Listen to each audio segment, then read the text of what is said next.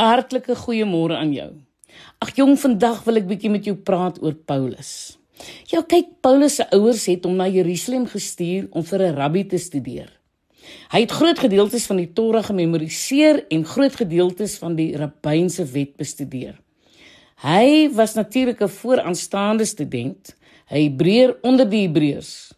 Paulus het later geskryf: In die Joodse leer het ek onder my volksgenote bo baie van my leeftyd uitgestyg, want ek was 'n fanatieke yweraar vir die oorgelewerde leer van my voorvaders. Dis nou Galasiërs 1:14. Nou 'n interessante kanttekening. Paulus en Jesus het dalk in die strate van Jerusalem bymekaar verbygestap. Kyk, as Paulus 'n lid van die Sanhedrinhof was toe hy die kerk vervolg het, sou hy ten minste 30 jaar oud gewees het. Nou dit is die minimum ouderdomsvereiste om 'n lid van die hof te wees. Nou dit sou hom min of meer dieselfde ouderdom as Jesus maak wat in sy vroeë 30's was toe hy gekruisig is. Nou wat hierdie versogte vraag laat ontstaan, was die jong Paulus en die jong Jesus op dieselfde tyd in Jerusalem. 'n 12-jarige Messias en sy pa, 'n jong Saulus en sy studies. Nou kyk indien wel het Christus op een of ander tydstip sy toekomstige apostel in wording se oog gevang. Mens wonder nê. Nee. Ons weet God het voordat Paulus vir God gevolg het, het God vir Paulus gelei. Ja, hy het hom 'n opvoeding gegee en beroep die nodige dokumente. Hy het Paulus in die wet van Moses en die taal van Griekeland geskool. Nou wie beter om Jesus voor te hou as die vervulling van die wet as 'n leerling van die wet? Maar wat van Paulus se geweld? Hy bieg.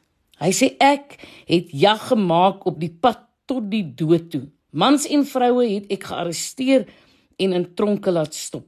Lees daarvan in Handelinge 22 vers 4. Hy het mans uit hulle huise geskop en maas van hulle kinders af weggeskeer, jong. Hy het heilige oorlog teen die kerk verklaar en die bloed van disippels laat vloei kon God hierdie lelike hoofstuk gebruik om sy saak te bevorder. Mens wonder nie. Nou ons het almal seisoene in ons lewens wat moeilik is om te verduidelik. Voordat ons God se storie geken het, het ons 'n gemors van ons eie storie gemaak. Selfs na die tyd is ons geneig om te eis om ons eie wil te laat geskied. Ons eie pad te volg en mense in die proses seer te maak.